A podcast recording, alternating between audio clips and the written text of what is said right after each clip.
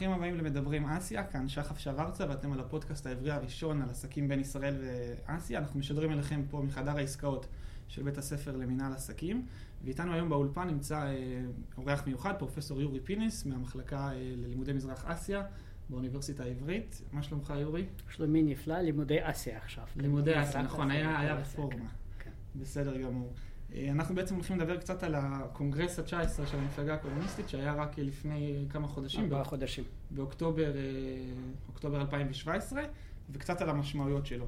אבל טיפה, אולי יש אנשים שלא מכירים אותנו, תן מילה וחצי רק מה זה הקונגרס, כל כמה זמן מתכנס ומה קורה שם בעצם. טוב, סין נשלטת בידי המפלגה הקומוניסטית מאז 1949. המפלגה הקומוניסטית אמורה לבחור את ההנהגה שלה פעם בחמש שנים בקונגרס, ש... בשנים האחרונות באמת מתכנס בתדירות, בתדירות הנכונה הזאת, הקונגרס בוחר את הוועד המרכזי שמנהל את, את המפלגה הקומוניסטית בין קונגרס אחד לשני, והוועד המרכזי בוחר את הלשכה הפוליטית שמנהלת את הוועד המרכזי בין ישיבה אחת לש, לשנייה של הוועד המרכזי, ולשכה פוליטית בוחרת את הוועדה המתמדת של הלשכה הפוליטית שמנהלת את העניינים השוטפים של הלשכה הפוליטית, וזה אלה שבעה האנשים החשובים ביותר. אבל בסופו של דבר כולם נבחרים בקונגרס, זאת אומרת בצורה זו או אחרת ברור שהקונגרס קובע. כמה, כמה אנשים מתכנסים באותו שבוע של קונגרס כזה? הקונגרס כולל לדעתי כשלושת אלפים אנשים, אני אפילו לא, לא בטוח עכשיו, אתה תקלת אותי בשאלה שאני אני, לא, אני לא מכיר שזה בסך הכל אלפיים שלוש מאות משהו כזה. בסדר כן. גמור, אז אה, סדר, סדר הגודל, זה גם יותר מזה לא ייכנס שם לעולמות. אה, בו זמנית. כמה יש במפלגה בסך הכל? במפלגה יש 90 מיליון אנשים, 90 מיליון חברים, והם נבחרים בשיטה מאוד, מאוד מסובכת, מאוד מורכבת, מדורגת מהדרגים הנמוכים יותר, תאים שבוחרים לסניפים, סניפים שבוחרים למחוזות, מחוזות שבוחרים לכנסים השיטה הקומוניסטית שאנחנו מכירים כן. גם ממחוזות אחרים. אה, דיברו הרבה, יורי, בוא נצלול כבר ישר פנימה. כן. אה, דיברו הרבה על העניין של, של הנשיא, של שי פינג, שהוא מאוד מאוד התחזק, ו, שהוא בעצם מיצב את כוחו. למה אומרים את הדברים האלה? טוב, זה נכון שהוא התחזק ומיצב את כוחו. אני לא הייתי בטוח שזה הדבר החשוב ביותר בקונגרס הזה, למען האמת. נכון, אנחנו נצלול לדברים יותר כן, מרכזיים. אבל, אה, אבל אה, אין ספק שהוא קיבל אה, לפחות דבר אחד מאוד משמעותי. זה לחוקת המפלגה הוכנסה מחשבת סי ג'ינפינג. מחשבת סי ג'ינפינג זה הנאום שהוא נשא בפתיחת הקונגרס, זה עכשיו הוגדר כ... בסיס רעיוני חדש של המפלגה הקומוניסטית הסינית, לצד כמובן כל היסודות הקודמים, מרקסיזם, לניניזם, רעיונות של מאו, של דנג סיאופינג ושל המנהיגים הקודמים. אבל סי ג'ינפינג זכה לכך שהשם שלו הולבש על הרעיונות שלו, וזה כמובן כבוד גדול. הוא לעד עכשיו אמור להיכנס להיסטוריה של המפלגה הקומוניסטית הסינית. בעצם מי שהיה לפניו שזכה לאותו כבוד זה רק דנג סיאופינג ומאו זדונג. כן, כן. שני המנהיגים שהיו ביניהם ג'יאנג דזמין וחו ג'ינטאו היו מנהיגים שגם בצדק הם היו מנהיגים יותר בירוקרטיים, הם לא ראו, לא, לא ראו לנכון אפילו לפתח את הכריזמה האישית מעבר לגבולות הסביר, הם לא היו מנהיגים כריזמטיים. סי ג'ינפינג מנסה למצב את עצמו כמנהיג כריזמטי, כמעין בן דמותו של מאו, גם מנסה לחקות את מאו קצת, ויש אפילו יסודות מסוימים של פולחן אישיות, לא הייתי אומר, אבל של הערצה מופרזת ביותר בתקשורת, בתקשורת המפלגתית, בתקשורת הלאומית. אין ספק שזה קיים. יחד עם זאת הוא לא מאו, הוא מנהיג שבסופו של דבר גם כן כפוף להנהגה הקולקטיבית, ואפילו שעכשיו כולם אומרים כמה שהוא נבחר בביטחון העצמי שלו וכל הדברים האלה, הוא עדיין זקוק לקולות של החברים שלו שיושבים בלשכה הפוליטית, בוועדה המתמדת, שלא תמיד uh, מסכימים איתו אולי. הבנתי, מעניין מאוד. אה, אני שמעתי גם קצת את הנאום, והוא דיבר הרבה על, הסיפור של, הביטחון העצמי. שסין צריכה לחזק מחדש את הביטחון העצמי, אני שמעתי אותו אומר, אני אצטט, על המפלגה לחזק את הביטחון העצמי בדרך והתיאוריה, במבנה המשטר אה, ובתרבות. וזה חוזר כמה וכמה פעמים הסיפור הזה, אתה גם התבטאת על זה, אני יודע. אה, עכשיו, השאלה שנשאלת, סין, כלכלה שנייה בגודלה בעולם, בדרך להיות הראשונה עוד מעט, אני חושב גם כן. אה, כלכלה שיתופית, כלכלה ללא מזומנים, אה, צמיחה אסטרונומית של מעמד ביניים. איזה חוסר ביטחון עצמי הנשיא מדבר עליו? טוב, אתה צודק מאוד שכשמדברים על ביטחון עצמי אז זה משקף חוסר ביטחון עצמי. אה, או ליתר דיוק, הוועידה הזאת, וזה כמובן הדבר המעניין ביותר בוועידה, יש בה שלושה מרכיבים מעניינים. מצד אחד, היא כן משקפת ביטחון עצמי.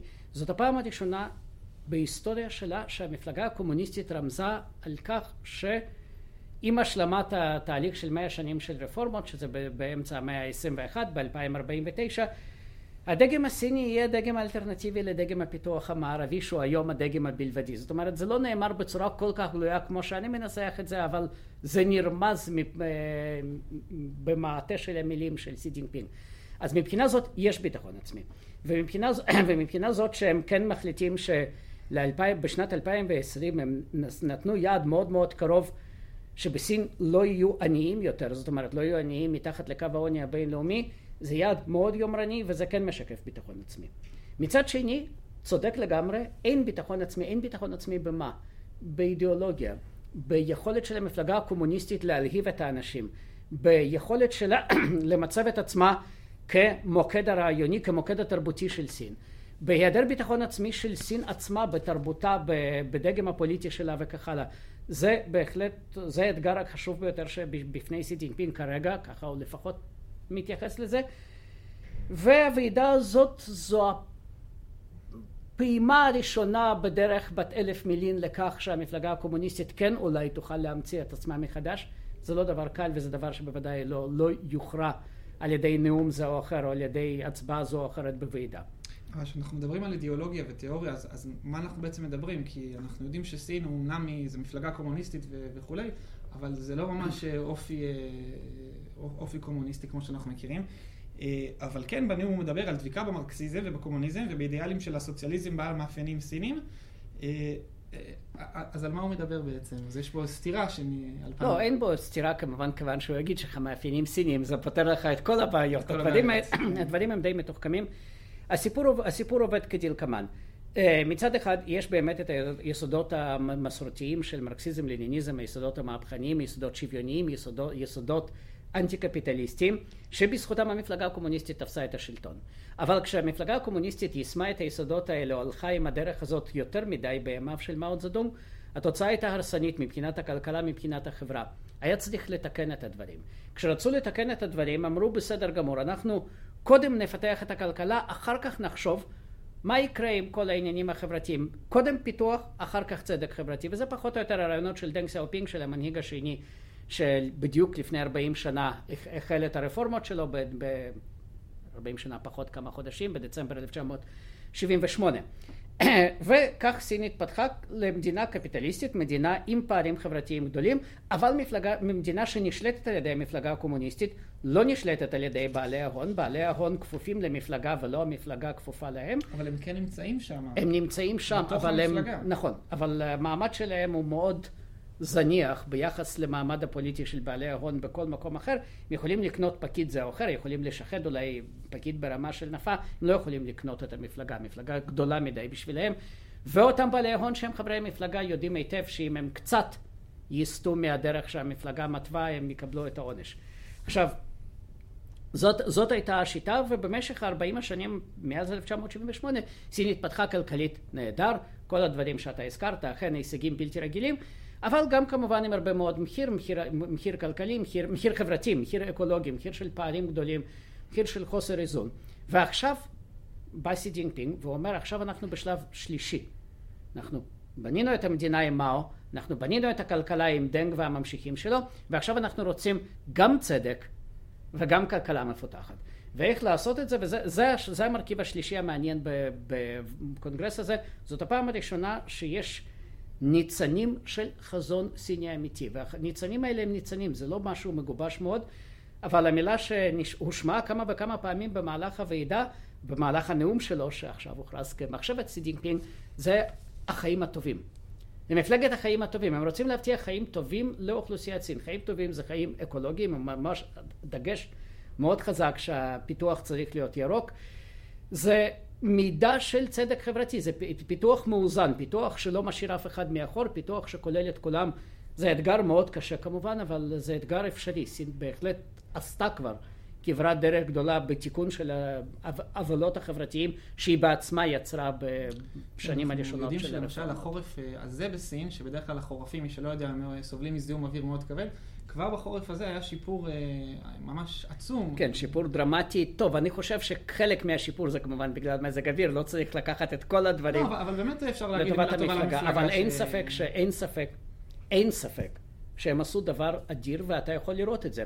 אתה יכול לראות שפתאום הם עשו שינוי דרמטי בשיטת הערכת הפקידים. עד לשנה האחרונה, כדי להתקדם במערכת הפנימית של המפלגה ואיך מפלגה שולטת במדינה, היא שולטת בפקידים. הפקידים יודעים שאם הם רוצים להתקדם הם צריכים לבצע את מה שהמנהיגים רוצים מהם. והמנהיגים עד עכשיו רצו פיתוח כלכלי, הגידול של התוצר המקומי הגולמי ב-7, 8, 9 אחוז, ואז אתה מתקדם, ולעזאזל כל הדברים האחרים. והשנה זה השתנה, ממש בשנה שעברה, ב-2017 זה השתנה, ולראשונה הפקידים יודעים שאם הם לא עומדים ביעדים האקולוגיים עם מימדי זיהום האוויר, זיהום המים גדולים מדי, הם ייענשו. כמובן הם מנסים לרמות והם מנסים להשפיע על, על תחנות המדידה וכבר שמעתי היום הבוקר שהם מנסים לפזר את המים ליד תחנות המדידה כי זה מוריד את, ה, את זיהום האוויר. אבל אתה יודע אתה לא יכול לרמות יותר יש מיליארד שלוש מאות מיליון מיליארד ארבע מאות מיליון סינים הם לא טועים. אתה רואה בבייג'ינג אני גם הייתי בדצמבר בבייג'ינג ועוד מעט חוזר לשם אני הייתי המום בדצמבר אתה רואה פתאום שמיים כחולים ואתה רואה את ה... כן, אתה לא רגיל, בחורף אתה לא רגיל, בחורף תמיד היה מזוהם ואתה רואה את ההרים מרחוק וכל הדברים הנפלאים האלה. וזה ללא ספק בגלל, בגלל שהמפלגה לקחה את הדברים ברצינות, נסגרו מאות מפעלים ליד, בכל, בכל צפון סין או חלק מהם הורד, הורדו מכסות הייצור כדי שהם לא יזהמו יותר מדי. הופסקו עבודות בנייה במקומות מסוימים וכמובן שימוש בדלק מתקדם ובכל ה... ושימוש בגז במקום פחם להעסקה שנעשה במאמץ אדיר עם הרבה מאוד בעיות בדרך אבל בהחלט עם מאמץ אדיר כל זה משקף כן זה אחד המרכיבים של מימוש אותו החזון של סי ג'ינפינג שסין צריכה להיות עכשיו דגם שאנשים שיבואו לסין יתרשמו מאוד מה... גם מזה שהמדינה נקייה היא לא יכולה להיות מדינה שהיא דגם אם היא מדינה מזוהמת. לגמרי. דיברת גם, כשדיברת על הפקידים אז הזכרת את כל ההתחכמויות שלהם ואנחנו יודעים שגם משהו שהיה תמיד מזוהה עם סין זה הסיפור של ה... הפקידים המושחתים, וזה גם חלק מהמאבק היוצא מן הכלל של, של הנשיא סי. קצת מזכיר את, את יונג ג'נג, הקיסר, שגם נלחם הרבה בשחיתות והיה מאוד מאוד סמכותני וכולי. זה, הוא שואב משם, ובכלל, האם, האם הנשיא שואב מסין התרבותית המסורתית יותר? יש... טוב, אני בטוח שהוא שואב מיונג ג'נג, כשאני קראתי את, את הנאומים שלו, הנאומים שלו, בין, לא, לא הנאום הגדול הזה, אלא נאומים בנושא השחיתות, הם ממש שיקוף של הנאומים של יונג ג'נג ואני והוא למדנו ביחד על יונג ג'נג באותה סדרת טלוויזיה הגדולה שבשנות התשעים הקדינו 40 שעות שזו סדרה נהדרת. לכל תלמידי, לכל, לכל מי שלומד מדעי המדינה או מנהל עסקים או מה ש... כל מדעי החברה שרוצה להבין איך השחיתות יכולה לפעול באלף ואחת דרכים ואיך המאבק בשחיתות יכול ליצור שחיתות מסוג חדש זו הסדרה שמלמדת באופן מופלא ביותר על הבסיס של הקיסר ממאה ה-18 וסי ג'ינפינג בוודאי מושפע ממנו. סי מושפע מההיסטוריה הסינית אבל אני לא הייתי אומר שהוא באמת מבין עמוק בהיסטוריה ובמסורת התרבותית הסינית. תזכור שהוא גדל בימי מהפכת התרבות, הוא גם היה קורבן של מהפכת התרבות, נשלח לכפר, עבד שם ואתה יודע זו לא הייתה הזדמנות טובה מאוד ללמוד את ה... את המסורת התרבותית, הוא מודע לה. זו הפעם הראשונה שהמפלגה הקומוניסטית הכניסה בצורה אולי קצת עקיפה, אבל הכניסה התייחסות... מהחלון אולי קצת. כן, מהחלון אפילו, אתה יודע, זה אפילו צוהר קטן שלא לא, לא, לא חלון גדול, אבל כן הכניסה את המרכיבים החיוביים, המרכיבים ה... טובים של המסורת התרבותית הסינית כאחד היסודות האידיאולוגיים של המפלגה. היא עדיין לא הגדירה בעצמה מהם אותם המרכיבים אנחנו הטובים. אנחנו לא בטוחים שהם באמת יודעים עד הסוף מה, מה חיובי ומה לא חיובי. זה לוקח הרבה מאוד זמן. הדברים האלה לא ניתן להכריע על ידי, אתה יודע, הערכות כאלה. למשל, רדיפת השחיתות של יונג ג'נג, mm-hmm. דבר חיובי, בוודאי עוררה הרבה מאוד אמפתיה, אבל יונג ג'נג היה ידוע כדיקטטור גדול מאוד ועורר גם הרבה מאוד שנאה בגלל, הדיק, בגלל הדיכוי של הפקידים שבכל זאת כותבים את ההיסטוריה. אז גם סי ג'ינפינג, דרך אגב, לא כל הפקידים, נאמר ככה בלשון המעטה, מרוצים ממה שהוא עשה, ומאבק בשחיתות, שהוא פופולרי מאוד בקרב שכבות עממיות, אבל הוא כן יצר הרבה מאוד בעיות, כולל בעיות של האטה בקצב הפיתוח הכלכלי, כי יש הרבה מאוד פקידים שמפחדים עכשיו על אישור, לאשר יוזמה כלשהי, שמא ייחשדו בזה שהם עשו את זה בדרך העקיפה וכך הלאה, והדברים קצת הועטו בסין. אבל בלא, בלא ספק מדובר בסוגיה מסורתית ביותר. השחיתות כמובן הייתה קיימת, השחיתות קיימת בכל מקום, אנחנו מכירים את זה, אפילו במדינות נאורות וכך הלאה, אולי לא בשוודיה, אבל גם שם אני לא בטוח במאה אחוז. אה, בסין, בסין זאת הייתה בעיה מאוד קשה, וסי חושב שפעילות רדיקלית, אקטיבית, אגרסיבית, אוטוריטרית מאוד, נגד השחיתות היא דבר שיעזור, זה, זה בהחלט השפעה של המסורת הסינית. תראה, יורי, אתה אמרת הרבה דברים, אה, באמת דיברנו על המסורת הקדומה יותר וגם על המסורת הקומוניסטית, ובאמת רואים את ה... שוב, אם אנחנו חוזרים לקריאה לאימוץ מחדש של המסורת התרבותית הסינית ולפתחה מחדש, לי זה נשמע כמו איזשהו אה, סופרמרקט אה, רעיוני, אתה פעם אחת מדבר על קומוניזם ו... וכאלה, ואז אתה חוזר לקונפוציוס ואתה חוזר לדברים אחרים. עכשיו, בתחילת הדברים שלנו אמרת שסין רוצה למצב את עצמה כ... כאיזושהי אלטרנטיבה אידיאולוגית. לאידיאולוגיות במערב. אז איך מסופרמרקט מייצרים אה, אלטרנטיבה? טוב, כמובן כל, כל אידיאולוגיה, או רוב גדול של האידיאולוגיות בעולם הם שילוב של האידיאולוגיות הקודמות, זאת אומרת מידה של סופרמרקטיות קיימת בכל דבר. אני חושב שלסין יש פוטנציאל למצב את עצמה כאלטרנטיבה, אבל בשביל זה כמובן יצטרכו לעבוד עוד הרבה מאוד שנים.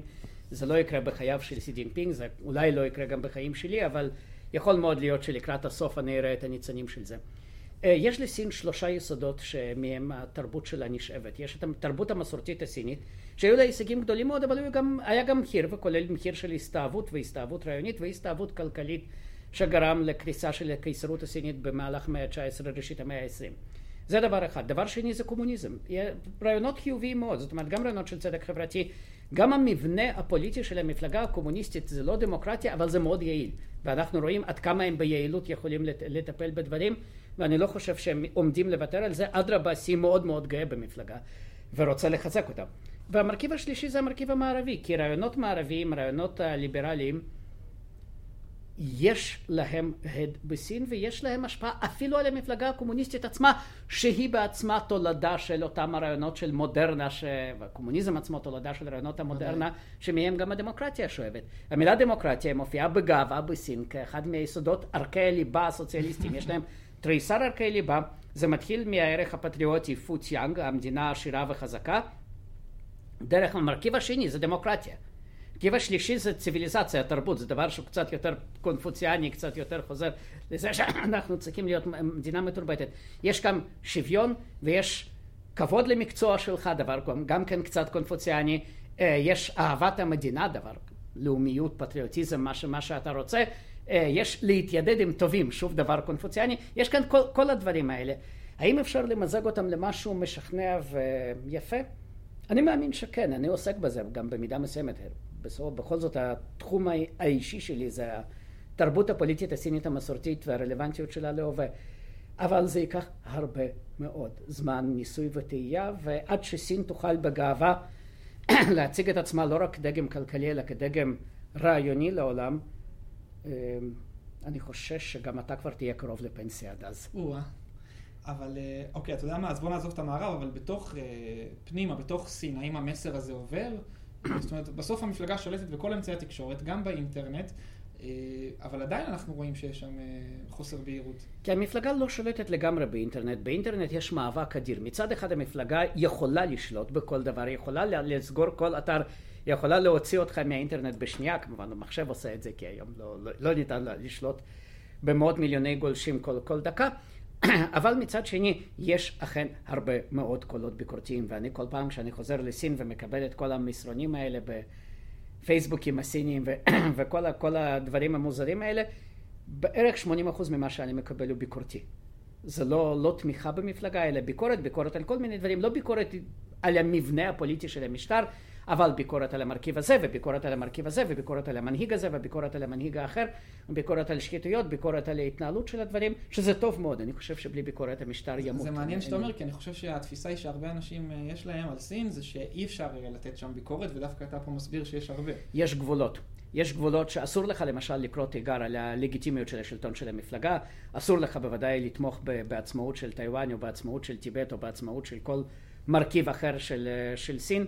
אה, אסור לך כמובן אה, לקרוא לאלימות נגד המפלגה, זה ברור לגמרי, אני חושב שברוב המדינות בעולם, אבל אה, בסופו של דבר אתה יודע, הרי זה לא שחור ולבן, בכל מקום בעולם, גם במערב שגאה מאוד בחופש הביטוי, יש דברים שאנחנו מגבילים בחופש הביטוי. למשל פדופיליה, אנחנו מגבילים, נכון? זאת אומרת, יש מלא אנשים שמאוד רוצים, אבל אסור.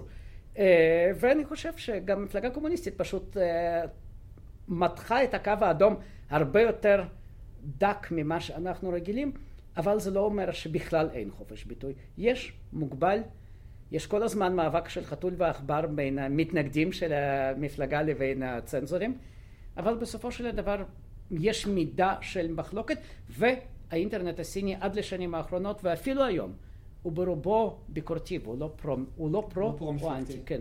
וזאת הסיבה של חוסר ביטחון העצמי של סי שהזכרת בהתחלה.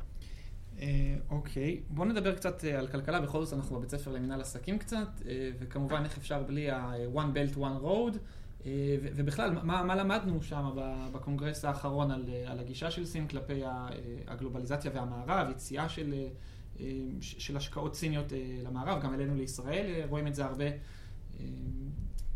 טוב, ביציאה של ההשקעות היה חלק של, של מאוד מושחת, ובגלל זה עכשיו היציאה הזאת תצומצם. חלק מההשקעות הוצאו מסין ובישראל המטומטמים לא ידעו לתפוס את ההזדמנות וחשבו שיש כאן השתלטות עוינת. למעשה הרבה הרבה אנשי עסקים סינים פשוט רצו להבריח מיליארדים מהמדינה שמא יקרה להם משהו. לא סיפרת להם, יורי, מה זה?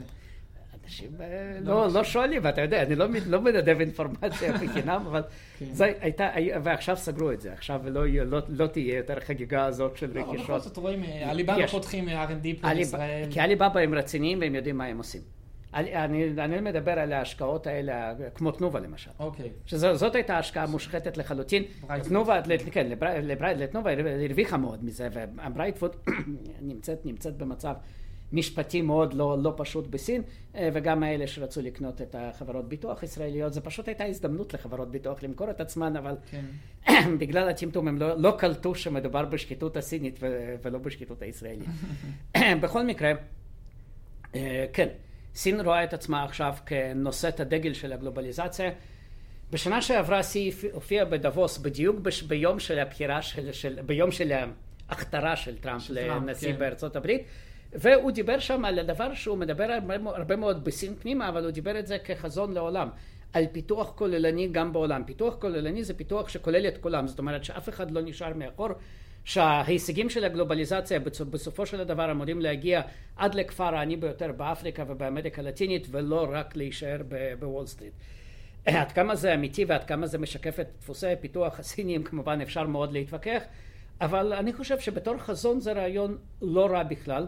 והרעיון של one belt one road זה גם כן, זאת, זה חלון הזדמנויות בלתי רגיל לעולם, שהעולם המערבי נמצא בהכחשה, הוא נמצא עכשיו בתהליך של פחד נוראי ממה שקורה בסין, בגלל שסין עכשיו מתקדמת יותר מדי מהר. בדיוק בחודשים האחרונים, אחרי הוועידה הזאת, יש לנו את המבול של הפרסומים אה, שממש מבטאים את החרדה, כולל חרדה מזה שסין מציבה דגם פוליטי אלטרנטיבי למערב, שזה עדיין מאוד מוקדם להיות חרד. צודקים אולי להיות חרד בעוד 30 שנה, לא כרגע. אה, מה, ש, מה שקורה כרגע עם ה-One Belt One Road זה רעיון גאוני, כי בסין פיתחו ב-15 השנים האחרונות, 20 השנים האחרונות, סין בנתה את התשתיות הטובות ביותר בעולם. זה המון טכנולוגיה, המון ידע, וסין קרובה מאוד לסיים את, לסיים את המפעל הזה. בעוד שבע שמונה שנים לא יישארו כבישים גדולים נוספים ש, שצריך יהיה לפרוץ. כל, ה, כל הערים הגדולות והבינוניות ירושתו במסילות רכבת המהירות ו, וזהו. ואז או, שניתן, או שייתנו לציוד הזה להחליד, או שישקיעו אותו במדינות האחרות, בחלק מההשקעות יפסידו. בטוח לגמרי. אני יודע את זה, גם ישבתי עם, ה, עם האנשים הפקידים גם באקדמיה וגם פחות, אבל בכל זאת בעולם העסקים הסיני, הם יודעים שחלק מההשקעות ירדו לטמיון, שלא כל הדברים שסין בונה בפקיסטן, בבורמה או בכל מקום אחר, בהחלט, יצ... בהחלט יצליח, אבל גם אם חלק, חצי מההשקעות האלה ירוויחו, זאת השקעה כדאית ביותר, כי אחרת אתה פשוט תפסיד את הכל, כל המכונות שלך יחלידו וכל הידע הזה יאבד, חבל. אז uh, הרעיון הזה של פיתוח עולמי באמצעות ההשקעות הסיניות בתשתיות, כשסין גם מלווה את הכסף למדינה, אחר כך בונה, בונה שם, ואחר כך מקבלת בחזרה את ה...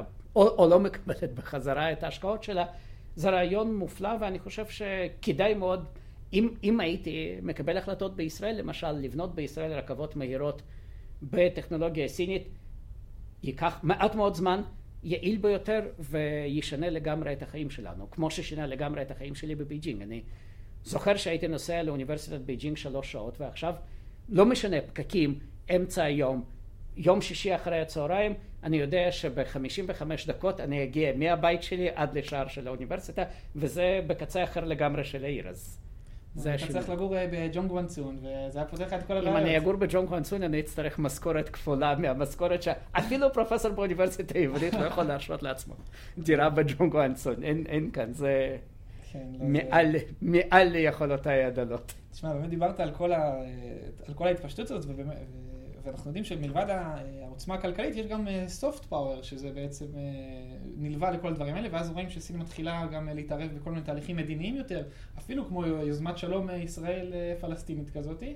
ורק לאחרונה, סתם באנקדוטה, שמעתי את חבר מועצת העיר בחיפה, ישראל סביון, שטוען שעכשיו צריך ללמד את כל התיכוניסטים בחיפה סינית דווקא. זה דווקא מבורך, זה החלק השני, אני ממש... זה מהשבוע, כן. אני מעודד את זה, אני חושב שאולי לא כל התיכוניסטים, אבל בהחלט רצוי שירחיבו את הלימודים של סינית. כי אין ספק שזאת שפת העתיד, היא לא, היא לא תחליף את אנגלית, כי סין לא בנתה אימפריה קולוניאלית, הרי אנגלית חשובה בגלל הודו היום, לא בגלל... כן. אז סין לא עשתה זאת. אבל סינית בוודאי, בוודאי שפת העתיד ובוודאי שהשפה היחידה שתתחרה באנגלית מבחינת החשיבות שלה ברמה הבינלאומית ולא במקרה אפילו בפקולטה למנהל עסקים רואים את זה אפילו כתוב אפילו בכניסה כן. לפקולטה כן כל הכבוד בהחלט בהחלט בהחלט יוזמה מבורכת עכשיו אה, כשאנחנו מדברים על הסופט פאוור הסיני כן הם היו מאוד רוצים סי אה, ג'ינפינג הזכיר את זה סי ג'ינפינג משתמש אפילו בביטוי הזה, שהוא ביטוי של המדען הפוליטי בהרווארד, ג'וזף ניי, ואצלנו באוניברסיטה, פרופסור ניסים אוטמזגין, המומחה הגדול ל soft power, וסי ג'ינפינג ממש אימץ את השיח הזה של soft power. הבעיה היא כמובן מהו soft power סיני, מה סין יכולה להציע מבחינה תרבותית. אז כמובן דברים נחמדים, אוכל סיני, אבל בשביל זה לא צריך עוצמה של הפוליטיקה הסינית. קונג פו פנדה זה לא סין, זה ארצות הברית המציאה את הרעיון לא, הזה. מכוני קונפוציוס בכל מיני מקומות. מכוני קונפוציוס, הלוואי והם היו מלמדים משהו מבחינת, הערכים והרעיונות הסיניים. אין, הם פשוט, הם לא יודעים. אני מכיר את זה דווקא במקרה, למען הגילוי הנאות, אשתי הייתה מנהלת של מכון קונפוציוס באוניברסיטה העברית כמה שנים, ואני גם הכרתי את כל ההנהגה של החנבן. אין להם תפיסה ערכית מגובשת מה הם רוצים ללמד. הם לא יודעים, למשל קונפוציוס, המילה הזאת מאוד יפה. האם הם מלמדים את תורת קונפוציוס? לא, כי, ב, כי בסין עצמה לא מלמדים את תורת קונפוציוס, אז הם לא יודעים גם ללמד, הם לא יכולים לשלוח את המורים שידעו ללמד. האם הם, האם הם משווקים את התדמית החיובית של סין?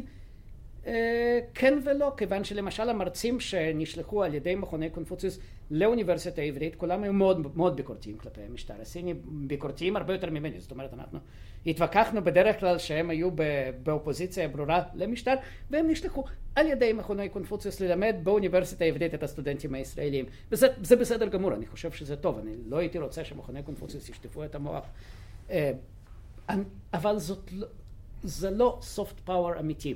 כי אין ערכים סיניים לייצר. ארה"ב מייצרת ערכים מסוימים. למשל, אתה, כשאתה מדבר על ערכים של דמוקרטיה, לא משנה שיש אלף סוגיות, של, אלף הגדרות לדמוקרטיה, קוריאה הצפונית קוראת לעצמה רפובליקה דמוקרטית עממית של קוריאה, אבל כשאנחנו מדברים על דמוקרטיה אנחנו חושבים על ארצות הברית. מכון, מכונים לדמוקרטיה קובעים לפי ארצות הברית. כשאנחנו חושבים ערכי המשפחה זה ארצות הברית. כשאנחנו חושבים זכויות האישה עכשיו מיטו זה ארצות הברית. כשאנחנו חושבים על הרבה, הרבה מאוד דברים, ארצות הברית מציגה את עצמה כמדינה שקובעת לאחרים מה נכון ומה לא נכון. עכשיו, מה עם ערכי משפחה סינים? אנחנו לא יודעים. מה עם ערכים פוליטיים סינים? האם סין רוצה שמישהו יבנה מפלגות קומוניסטיות? סין ממש לא מתעניינת בזה, אפילו לא תומכת במפלגות הקומוניסטיות ברחבי העולם. זאת אומרת, אי אפשר לומר שהיא משווקת איזשהו מבנה משטר מסוים. האם סין קוראת לאנשים לבטל את הבחירות הרב-מפלגתיות, למרות שהיא מודעת לזה שזה לא טוב, היא חושבת שזה טוב. מודעת, אבל היא חושבת שבחירות רב-מפלגתיות משתקות את העולם, משתקות את העולם המערבי, אבל היא לא ממליצה לאף אחד לבטל את המפלגות. זאת אומרת, לסין אין תפיסה ברורה מה לייצא. האמריקאים באו לעיראק והם רצו לבנות שם דגם קטן של ארה"ב, אנחנו יודעים בדיוק למה, למה זה הוביל. סין, גם כשהיא משקיעה הון עתק וגם כשיש לה השפעה אדירה, למשל על פקיסטן, פקיסטן מדינה שמכל הסיבות, מכל הבחינות הפוליטיות, התרבותיות, האידיאולוגיות, היא אנטיתזה לסין, ויש ביניהם יחסים כלכליים מעולים. אז כשמדברים על סופט פאוור אני הייתי מאוד מאוד נזהר מלדבר על זה היום. זה כן מה שסין הייתה רוצה, אבל לפני שהיא תוכל לייצא סופט פאוור, היא צריכה soft power בבית, כלפי עצמה, וזה מה שסי ג'ינפינג עכשיו מתחיל לדבר על כך, אבל זה ייקח עוד הרבה מאוד זמן, לגבש מה אנחנו רוצים להיות. אוקיי, okay, אנחנו קרובים לסוף יורי, אז אני אשאל שאלה מסכמת, שאני יודע שגם עסקו בה קצת בתקשורת. אה, זה קצת חוזר לנקודה הראשונה שדיברנו על העניין הפרסונלי. האם לאור כל ההתחזקות וכל הדברים שעכשיו אה, ציינו של הנשיא עצמו, האם אנחנו אה, צופים שהולך להיות עוד קדנציה, למרות שלא מקובל? אני כמובן, אתה יודע למי ניתנה נבואה, אז יש אפשרות כזאת, יש, יש, יש שלוש אפשרויות, יש אפשרות שהוא באמת יצא, יצא לגמלאות ואז נאמר שנה או שנתיים לפני שיצא לגמלאות יצרפו לוועדה המתמדת של הלשכה הפוליטית מישהו צעיר שיהיה יורש שלו, כי כרגע אין, כרגע בלשכה... אף אחד לא סומן כרגע בוועידה הזאת. כרגע בשביעייה הראשונה לא יושבים האנשים שמבחינת הגיל שלהם יכולים לרשת אותו. מה בסין, זה, מתחת לגיל 60? בסין, או... כן, בסין, בסין המנהיג לא אמור להיבחר לכהונה נוספת אחרי גיל 68-69. לפחות לא לכהונה בחירה נוספת, וכל המנהיגים שכרגע יושבים בוועדה, בוועדה המתמדת של הלשכה הפוליטית באותו השמנה והסלטה, הצמרת של הצמרת של המפלגה הקומוניסטית הסינית, הם כולם יהיו בגיל 68-69 כש... ואפילו 70, כשנגיע ל... למועד ההכרעה לשנת 2022. אז מבחינה זאת, כן יש לשי ג'ינפינג אופציה מסוימת, שיגידו, טוב, אין למי להעביר את השלטון, לא הכנו את היורש, אז, יש, אז אנא תישאר עוד קצת, יכול מאוד להיות.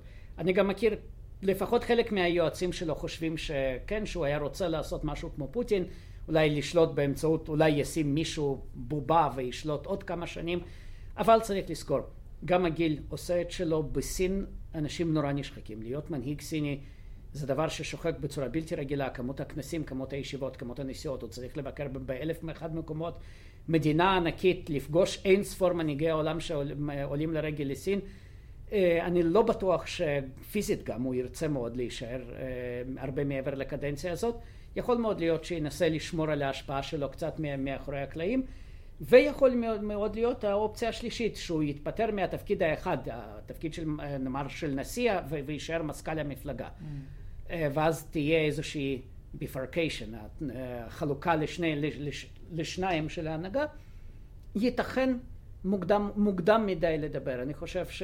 אני לא בטוח שהוא עצמו ושמנהיגים שיושבים לידו כבר בעצמם קיבלו את ההחלטות, איך הדברים ייראו ב-2022. אוקיי. Okay. טוב, תודה רבה יורי פינס, היה עונג לראיין אותך, אני בטוח שגם המאזינים שלנו אה, יקבלו הרבה ערך מהשיחה הזאת. בבקשה. וזהו, תודה רבה לכם שהאזנתם, אתם על מדברים אסיה, נתראה בפרק הבא.